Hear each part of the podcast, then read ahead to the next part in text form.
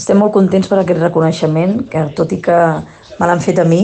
és un reconeixement que es fa a tot l'Atlètic Club Lloret i a totes les persones que,